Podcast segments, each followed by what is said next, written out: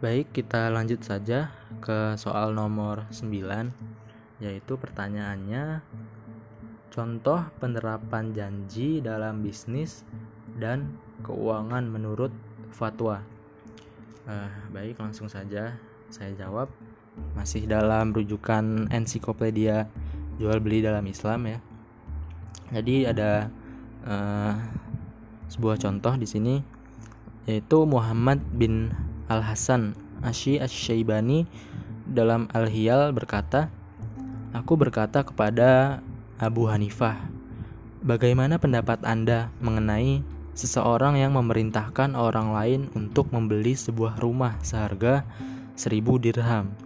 Dan dia mengatakan, jika orang tersebut telah melakukannya, maka orang yang memerintahkan tadi akan membelinya dengan harga 1100 dirham. Maka orang yang diperintahkan tadi hendak melakukannya namun dia khawatir apabila dia telah membelinya.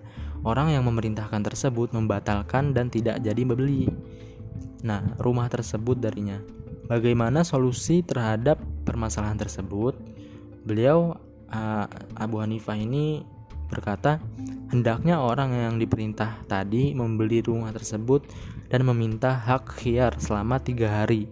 Kemudian rumah tersebut diserah terimakan setelah itu, apabila orang yang memerintahkan datang kepadanya, hendaknya orang tersebut yang memerintahkan untuk membeli rumah yang memulai pembicaraan. E, misalnya, aku beli rumah ini darimu dengan harga 1100 dirham dan hendaknya dia pihak yang diperintah itu menjawab dengan perkataan semisal rumah itu untukmu dengan harga tersebut sehingga akad tersebut menjadi akad yang lazim atau harus dipatuhi ya bagi orang yang memerintahkan tadi dan perkataannya uh, orang yang diperintahkan untuk membeli rumah hanya sebagai jawaban terhadap orang tadi. Maksudnya uh, hendaknya orang yang diperintahkan untuk membeli rumah tadi jangan memulai pembicaraan terlebih dahulu dengan mengatakan aku jual rumah tersebut kepadamu dengan harga 1100 dirham.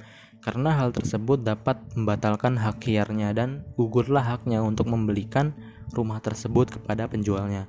Dengan demikian, apabila orang yang memerintahkan tadi membatalkan keinginannya, maka masih memungkinkan rumah tersebut dikembalikan pada masa khiar sehingga kerugian uh, dapat dihindari ya.